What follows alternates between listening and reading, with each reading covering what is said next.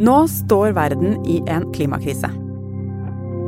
Hva er det som har skjedd, og hva skjer framover nå i høst? Jeg heter Frøy og er sjefredaktør i Bergens Tidende. Og jeg har klima på hjernen.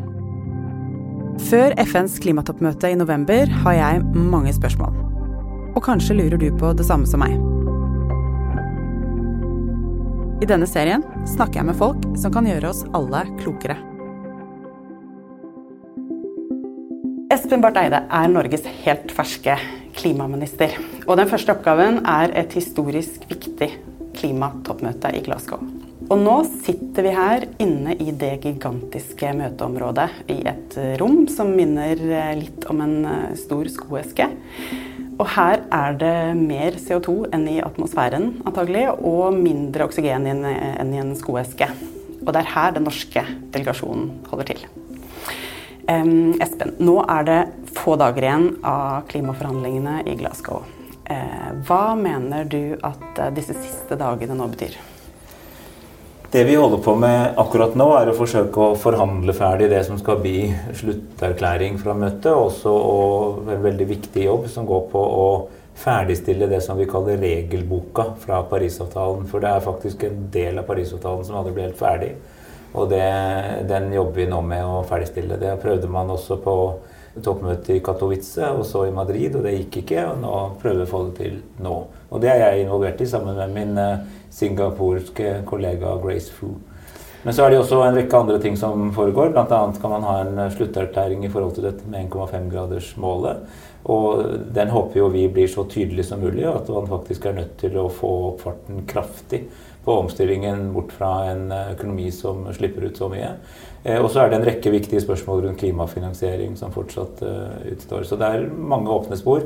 Men det er egentlig normalt. Altså, nå er det et par dager igjen, og, og, det er sånn et par dager igjen for dette møtet. Og jeg har så langt ikke opplevd noe som tyder på at det ikke skal gå. Men vi kan jo heller ikke være sikre på at det går. Nei, for det, eh, Noe av det som du har ansvar for å jobbe med, det er jo å finne løsninger på det som man i løpet av de seks siste årene ikke har klart å finne løsninger på. Det stemmer. Og det går på dette med karbonmarker, eller kvotehandel. Eh, fordi at eh, en del av Parisavtalen eh, ligger opp til at man skal kunne handle med utslippskvoter. Man skal kunne finansiere tiltak i andre land. Men for at det skal da faktisk bidra til liksom, den overordnede mengden kutt, eller de, at de tiltakene faktisk virker i forhold til å få ned utslippene, så er det viktig at man ikke dobbeltrapporterer. Altså at ett tiltak rapporteres én gang, ikke to ganger og ikke null ganger, men én gang f.eks. Og det er også viktig at disse Dette blir jo da det man kaller et finansielt instrument, denne kvoten. Men den må da ha høy integritet, mener mange, eh, mange land, slik at det faktisk bidrar til reelle kutt. Det kan høres ganske selvsagt uh, ut. Det europeiske kvotesystemet som vi er en del av, det fungerer sånn. Mm. Der er det sånn at uh, en, uh, en, kvote som representerer ett tonn CO2-utslipp, hvis du har brukt opp den, så får du ikke et nytt. Fordi at den er basert på hvor mye, hvor, hvor mye karbonbudsjett vi har igjen å slippe ut. Men mange av de andre systemene er ikke så rendyrkede, så, så det er det vi jobber med nå. Ja, så Det man prøver å få på plass, er et globalt kvotehandelssystem som skal bidra til utslippskutt? Det er jo liksom, I en helt ideell verden så hadde man globalt kvotehandelssystem. Det får man ikke med det første. Men det er at du kan ha flere systemer, men at de er kompatible med hverandre, og at de liksom lever opp til noen felles standarder. Og Det kan godt være en avtale mellom f.eks. et europeisk land og et land i Latin-Amerika om å bevare eller restaurere regnskog, f.eks. Eh, eller at man, eh, man, kjøper en utslippsrettighet fra et land som ikke trenger den for å bruke det selv. Eh, og dette har å gjøre med at man, man må prøve å bruke de mest rasjonelle, altså de mest økonomiske måtene da, å få ned utslippene på. Men da er det veldig viktig at dette kan godkjennes etter en slags felles standard, og at man blir enige om det. Har det vært veldig mye teknisk uenighet? Dette er jo veldig sånn nerdete spørsmål, men de er faktisk også veldig viktige. Jeg, jeg syns de er interessante, men det viktigste er at det er ganske viktig å få dette på plass. For ellers så Det er på denne måten vi liksom går fra prat til praksis, og det, det trengs jo virkelig da. Men dette er jo ganske vanskelig rett og slett, da, å, å, forstå eh, en del av det som dere jobber med. Men um, er det et problem i um, klimadebatten at det er så det er så komplekse problemstillinger at ja. det er nesten umulig å forstå hva som skjer? Det mener jeg faktisk at eh, det er. fordi at eh, vi har jo masse unge mennesker som er ute og demonstrerer og krever handling, og det er jeg hjertens enig med dem i, for de har helt rett i at min generasjon har brukt altfor lang tid på å ta tak i dette, og fortsatt ikke tar godt nok tak i det.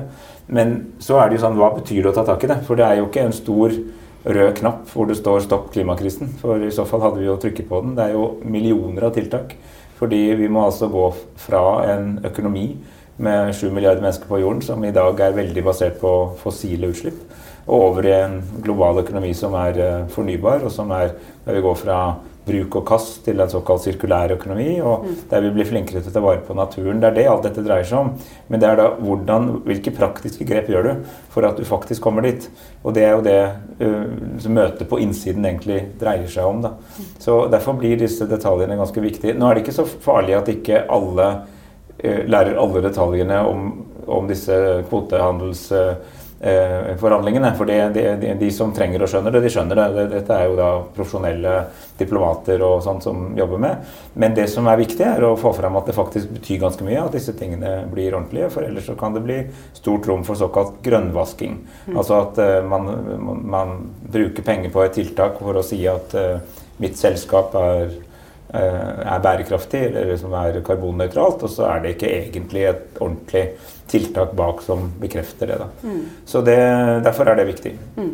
Og så er det lyst til å legge til at det er jo en slags underleggende tone her som og Det var også noe generalsekretær Antonio Guterres sa da, da vi møtte ham for et par timer siden. det er at Vi må huske på at liksom det globale sør, da, altså de fattige landene i verden, de opplever jo Nå har de hatt liksom covid-krisen, hvor uh, man i man i liksom nord er stort sett ganske godt vaksinert. Vel å merke de som vil, da. Mm. Fordi vi har jo en del land i nord hvor man ikke vil bli vaksinert. Og så er det store deler av Afrika hvor du nesten ikke har begynt å vaksinere. Mm. Så du har veldig sånn mye urettferdighet i det.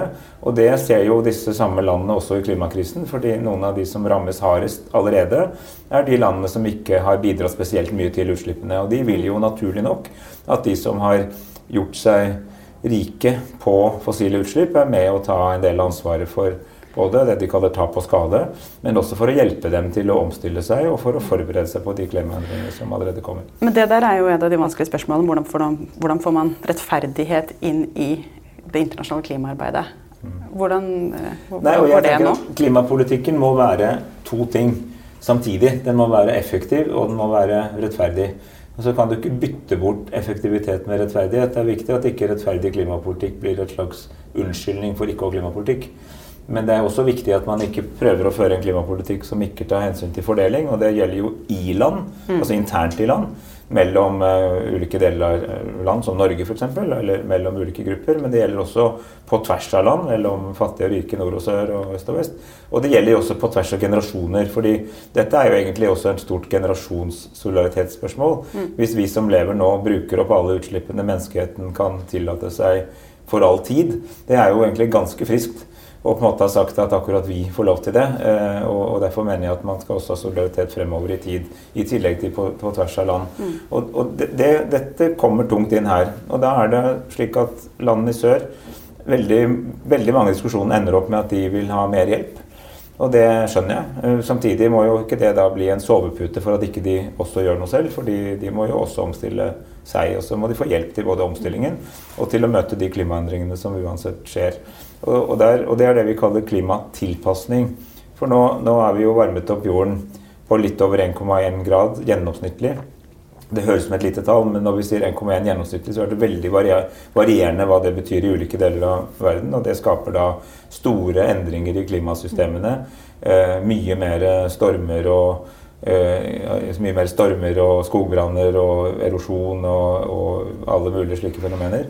Og det har det da med å ramme særlig i land som eh, rammer særlig hardt, i land som har dårlig kapasitet til mm. å stå imot, f.eks. Mm. Men betyr det at det er noen paralleller mellom drivstoffavgifter og, og bensinpris i Norge og det som skjer i forhandlingene her? Du kan jo si at det er jo et mikrokosmos av den samme diskusjonen. Da, ikke sant? At uh, Ideelt sett så burde vi jo altså igjen, Fra et klimaperspektiv så bør jo alle utslipp være så dyre at du sluttet med dem mm. fortest mulig. Mm. Det er liksom den, Fra et rent klimaperspektiv så bør man tvinge fossile løsninger ut av markedet. Rett og slett ved å gjøre dem så dyre at de alternativene blir billigere. For, for, sånn fungerer det jo. Avgifter virker. Men så, jo, men så, må man jo ta mer enn ett hensyn. For det vil jo da kanskje ramme noen samfunnsgrupper hardere enn andre. Og da må man liksom gjøre ulike vurderinger opp mot hverandre. da, hvordan du, hvordan du, fordeler dette. Også fordi at du skal jo ha med deg folk på klimapolitikken. Det, det er ikke noe poeng å ha en klimapolitikk som er så riktig og ren i en førstein at du mister store deler av mm. befolkningen på veien. Mm. Så da tenker jeg det at både å fordele byrder rettferdig, men også fordele gode rettferdig, er, eh, er en viktig del av, av, jobben. Og der tenker jeg, Hvis du tenker nasjonalt, så betyr jo det, for å ta et banalt eksempel altså hvis, du, hvis deler av Norge har ikke nå tilstrekkelig ladeinfrastruktur til at alle kan kjøpe elbil, da kan man bidra til det. Da reduserer du liksom motargumentene mot at flere kjøper elbil. Eh, og i global sammenheng så må man si at land i sør må ha den samme retten til å ta i bruk solkraft f.eks. Og, og kvitte seg med kull, som de rikere landene som nå er i ferd med å gjøre dette eh, allerede. Mm. Føler du noen ganger at eh, diskusjonene i Norge, som du kommer rett fra rundt eh, statsbudsjettet osv., at de blir litt små knytta til liksom, det store alvoret og dramaet som, som, du sier, en del land i sør opplever? Ja, det gjør jeg. Og det er klart Når du snakker med eh, valgte myndigheter fra land som rett og slett kan bli borte om noen tiår, altså bokstavelig talt, altså landet blir oversvømmet og vil ikke fungere som land, så blir jo noen av de hjemlige debattene litt små. Det må jeg innrømme. Så skal man ha respekt for at eh, som jeg sa, det er viktig at uh, du tenker på at uh, folk skal være med også i et rikt land som Norge. Men det er klart du får litt perspektiver på det. Og, og, og, det, og det, er bare veldig viktig å understreke at uh, Eh, Greta Thunberg har jo helt rett i hennes beskrivelse av alvoret. Så har jeg eh, ment at hun, når hun da går videre til å si at det nesten ikke hjelper å møtes, så er jeg uenig med henne. Mm. Men hennes beskrivelse av alvoret er jo riktig. Og jeg tenker veldig, hver dag, bokstavelig talt, på de unge menneskene som i 2050 er mye yngre enn jeg er i dag, og da skal leve en stor del av livet sitt etter at vi enten har lykkes i å bli karbonnøytrale, fordi vi får det til, eller leve i en verden som er veldig vanskelig å leve gode liv i fordi vi ikke har tatt tak i dette. Mm. Jeg så at det var noen svenske aviser som tolka deg dit at du mente at Greta Thunberg var eh, farlig. Men, uh... Nei, altså, jeg har ikke ment at Greta, Greta Thunberg er en, et friskt pust og en viktig påminnelse om alvoret. Men akkurat det utsagnet at uh, møtet burde egentlig bare oppløses og dra hjem, og politikk virker ikke. I hvert fall hørte jeg det sånn. Mm. Det mener jeg var problematisk, og det vil jeg rett og slett advare mot. Og det er jo fordi jeg tar Greta Thunberg på alvor. Mm. Altså, eh, Greta Thunberg er en, er en, voksen kvinne nå, fylt 18 år, og jeg syns hun sier veldig viktige ting, men da må, også, må jeg også lov å si at det er deler av det hun sier jeg var uenig i. Og det er nettopp det fordi at jeg tror hun har nå en så tung og solid posisjon eh, som hun har bygd opp eh, på en veldig sånn troverdig måte. Men da er det viktig også å tenke på hvordan man bruker den. fordi jeg syns ikke man skal gi eh, unge mennesker opptatt av dette inntrykket at ingenting nytter. Jeg mener at politikk nytter. Jeg mener det er høyst legitimt å mene at uh, vi i min generasjon og vi som er på møter som dette, jobber for seint og gjør for lite. Men, men, det er ikke sant at man ikke gjør noe. Altså, det er veldig mange mennesker her som er her for faktisk å gjøre verden bedre, og for å finne ut hva er alle de praktiske tiltakene. Men um på dette tidspunktet her, har det kommet noe konkret ut av det som vi allerede vet at eh, har kommet ut av at dere møttes her alle sammen? Ja, altså det har det. Fordi det er egentlig på en sånn kopp, da, eller sånn toppmøte som dette her, så er det liksom to klasser av ting, eller to typer ting. Det ene er det man forhandler om, for at, og alle må bli enig. Altså Det er det vi sitter med nå eh, i, i, forhandlingene om, om regelboka f.eks. Der, der er vi ikke ferdig, for alle land er enig. Men det andre man gjør, er at man bruker dette som en arena for store initiativer som liksom, knipper av land går sammen med. Etter prinsippet 'vil du være med, så heng på'. liksom. Eh, og det er veldig mange sånne. Det har vært kjempespennende initiativer som har vært tatt her om nullutslippsshipping f.eks. Det var lagt fram med, bl.a. Eh, USAs transportminister Pete Buttigieg i dag, sammen med mange andre, og Norge var også med på dette, la, la fram en, en idé, en slags plan eller konsept da, for hvordan man kan bygge nullutslippsseilingsruter over, over verdenshavene. Altså hvordan du kan lage sånne stamruter på en måte, eh, og utvikle da nullutslippsteknologi i begge ender. Det er et praktisk eksempel. Og Hvis noen ikke vil være med på det, så får de la være å være med. liksom. Vi fikk til et veldig bra initiativ på metan. Altså Metanutslipp er Metangass er da mye farligere enn CO2. Eh, i forhold til volum. Det er mye større bidrag til oppvarmingen av kloden, men den er kortlivet. Det betyr at den blir borte etter 10-15 år i atmosfæren. Det er en veldig god nyhet. Det betyr at hvis vi kan få ned metanutslippene, så kan vi liksom spare inn 0,2 graders oppvarming, eller sånn, som er ganske viktig i den store kampen. Og Der var det et initiativ med, som USA og Storbritannia og vi var med på, mange, mange land sto bak, om hvordan man nå lover hverandre at man skal få ned metanutslippene med 30% Og Så var det et stort initiativ på skog. og det vil jeg også si at Skog i klimasammenheng er jo noe vi i Norge har vært opptatt av i mange år, helt siden Stoltenberg-regjeringens dager. Og nå er det blitt veldig anerkjent at uh, skal man nå netto null, som det heter, så er jo det uh, enkelt sagt altså det er å få ned utslippene til det nivået som du kan fange opp igjen i kretsløpet. Og det er jo da først og fremst natur. Og litt karbonfangst og -lagring, altså litt teknologi, men først og fremst natur. Og da må du ta vare på og egentlig restaurere naturen, slik at den får evne til å binde karbon.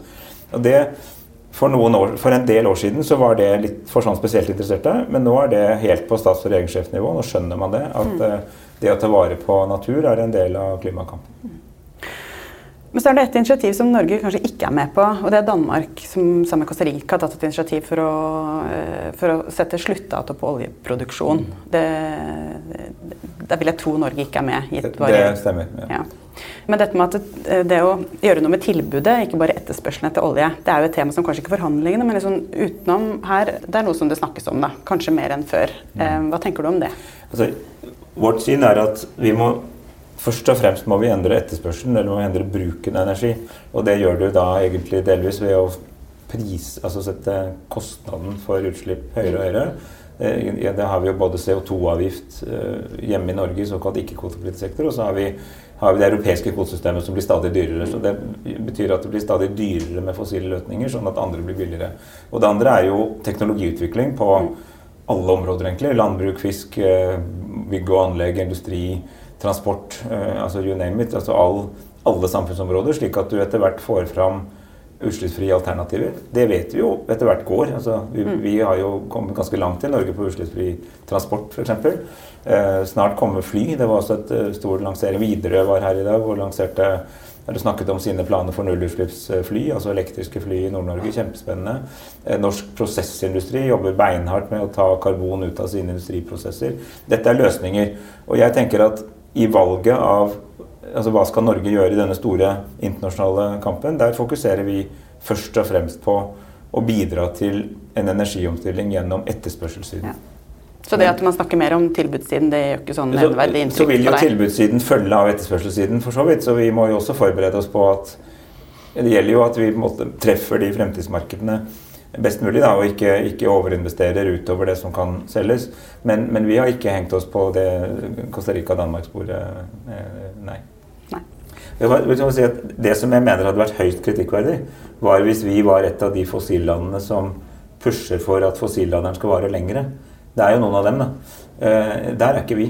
Altså selv om vi har mange av inntektene våre fra olje og gass, så vet vi jo at det vil i framtida må vi leve av noe annet. Og da må vi også faktisk bidra til at, det, at den omstillingen skjer.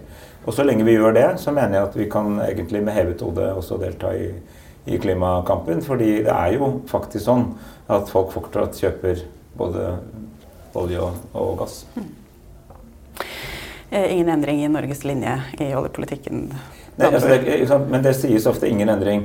Men poenget er at det, det, som ikke har endret seg, er at vi har ikke vedtatt noe sluttdato for verken produksjon eller letting.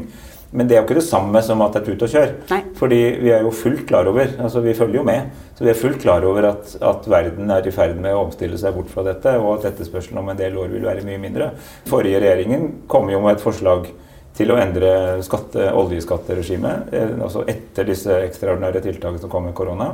Det har vi støttet opp om. Det er det bred enighet om i Norge, at nå skal oljeskatten bli nøytral, f.eks. Som, som den ikke har vært de siste årene. Og det, det er et lite bidrag i, i den retningen. Mm. Når det gjelder den slutterklæringen som alle ideelt sett skal bli enige om, hva er det viktig at står der for at uh, dette møtet skal bli opplevd som troverdig og som, uh, som meningsfylt? Jeg tror det aller viktigste er at vi har veldig tydelig språk på 1,5 grader. Landene har ikke kommet hit for å lage en ny Parisavtale. Så vi forhandler på Parisavtalens grunn når vi er her. Men Parisavtalen sier jo I 2015 så snakket man om å holde oppvarmingen under 2 grader, og helst ned mot 1,5. Så det, allerede da var det et spenn 1,5 til 2 grader. Det man har lært siden, da, bl.a. gjennom en veldig viktig rapport fra FNs klimapanel som går i 2018, det er at det er mye mer alvorlig forskjell på 1,5 og 2 grader. Altså veldig mange av de ordentlig alvorlige klimaendringene eh, Det er mye alvorlig allerede nå, men altså det blir virkelig, virkelig alvorlig over 1,5. Eh, og da kan du også få sånne tippe, vippepunkter, som det heter, hvor, du, hvor det faktisk begynner å bli sånn selvforsterkende effekter. Og Derfor så har formannskapet Storbritannia, med støtte fra USA og EU og oss og mange, og FN, uh, vært veldig opptatt av å si at det vi egentlig sikter mot, er den nedre enden, altså 1,5 grader. Og At man slår fast det, og også slår fast at nå må det lages planer for å holde det Altså at oppvarming ikke overstiger 1,5. Og så kan, kan du, noen si at ja, det er tall, og klarer man det, liksom? Det vet man jo ikke. Jo, men det det betyr, er at da har du et mye lavere Du har mye mindre karbonbudsjett igjen. Det er mye færre utslipp du fortsatt kan tillate deg. Så hvis du styrte mot to grader, da kunne du på en måte si at ja, det der med klima det er viktig, jeg håper noen gjør noe med det en gang, men kanskje ikke akkurat jeg akkurat nå. Men når du sikter mot 1,5, så er det sånn Å oh ja, akkurat jeg akkurat nå, og alle de andre akkurat nå også. For det er liksom ikke noe særlig mer å gå på. Så, ja, for da sånn nytter, sett, også, du, da nytter ikke å skyve tiltakene nei, nei, så langt. Ikke, da har du rett og slett mindre tid igjen. Sånn at den innsikten som har kommet etter Parisavtalen om forskjellen på de to utfallene, den, eh, den, har da, håper vi da, skal inspirere oss til å si at vi må få opp farten på omstillingen. Eh, og så, kan du og så vil en kyniker kunne si at kanskje du ikke klarer 1,5, men jeg vil si at jeg vil heller satse på 1,5 og ende på 1,7 enn å satse på 2 og ende på 2,4. Så det er noe med at just, hvis du lar deg inspirere av et 1,5-mål, eh, så kanskje du klarer å begrense oppvarmingen mer enn hvis du går for et litt høyere mål. Da. Men når du sitter der og forhandler med kollegene dine, da, hvor engasjert er de? Altså, hvor, hvor dypt stikker dette her? Altså ønsket om å faktisk lykkes med dette her? Jeg tror egentlig alle som kommer hit, ønsker å bidra. Jeg tror man er enig i formålet. Altså, det kan sikkert være noen jeg ikke har møtt som mener noe annet, men, men det er mitt inntrykk på mine kolleger at de vil det. Men så er det ganske stor spennvidde mellom det kan beskrives som to ytterpunkter. Da. Det er da de som mener at man får oppfylle Parisavtalen med, med minst mulig inngripende virkemidler for meg. F.eks. la de andre ta en større del av jobben. Eh, liksom, eh, la oss bruke liksom, gamle kvotesystemer som kanskje ikke er så effektive, sånn at jeg bare kan krysse at jeg har levert. På den ene siden. Også de som særlig ledet av EU, USA, Norge, Sveits, en del sånne en del asiatiske industriland og sånn, som sier at nei, vi må bruke nå må vi bruke klimapolitikken for en transformativ endring. altså Vi skal virkelig presse fram en raskere endring av verdensøkonomien. Eh, og Begge disse er for så vidt innenfor Parisavtalens formål, men der er det en ganske stor spennvidde. Og det som er interessant er at Ofte er det sånn at de rike og mest moderne landene og noen av de fattigste og mest utsatte, sånn som øystatene, er ofte enige om at nå må, nå må det virkelig gå fort. Så de rikeste og fattigste På en måte, ikke sant, på det, det temaet. Mens en del mellominntektsland sier at eh, jo, vi er også opptatt av klima, men vi må ha lov å Sånn som f.eks. Kina lenge sa, at vi må ha lov å slippe ut mer først, og så skal vi slippe ut mindre siden. Fordi vi må få lov å bli rike, vi også. Og der er det vel egentlig sånn at det begynner å gå opp for folk i en del land at du kan faktisk bli rikere med det 21. århundres teknologi enn det 20. Altså, for å prøve å illustrere hva jeg mener, kan man gå bare hjem til industrien på Vestlandet, hvor det er en rekke industribedrifter som nå satser på å få utslippene mest mulig ned. Og da kan du faktisk vinne i konkurransen over andre lands industri som har høyere utslipp. Mens det er ikke sikkert at de i samme grad tenker sånn i India f.eks.